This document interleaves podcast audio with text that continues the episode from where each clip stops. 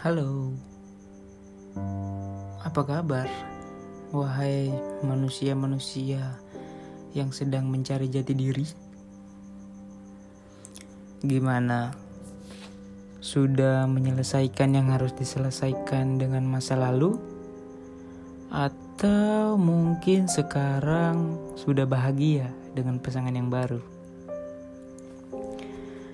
Pesanku untuk kalian seterpuruk apa pun atau sebahagia apa pun kamu sekarang, kamu harus tetap baik. Karena keterpurukan dan kebahagiaan hari ini sama sekali tidak menjamin apa pun di masa depan. Aku tahu kebanyakan dari kalian sekarang di fase yang sedang melupakan mati-matian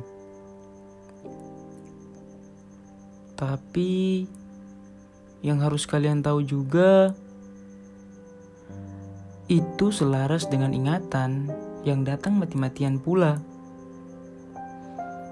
Jadi, kamu harus berdamai dengan semuanya. Belajar menerima kepahitan yang menerpamu hari ini.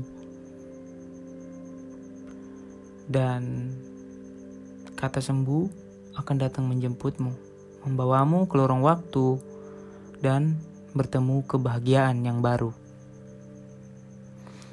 Oh iya, bagi kamu yang sudah menemukan seseorang yang menjelma kebahagiaan, jaga baik-baik kesempatan yang sudah diberikan. Hargai mereka yang sudah bertahan, karena jika tidak, kamu akan mengalami kesalahan yang sama, yaitu kehilangan.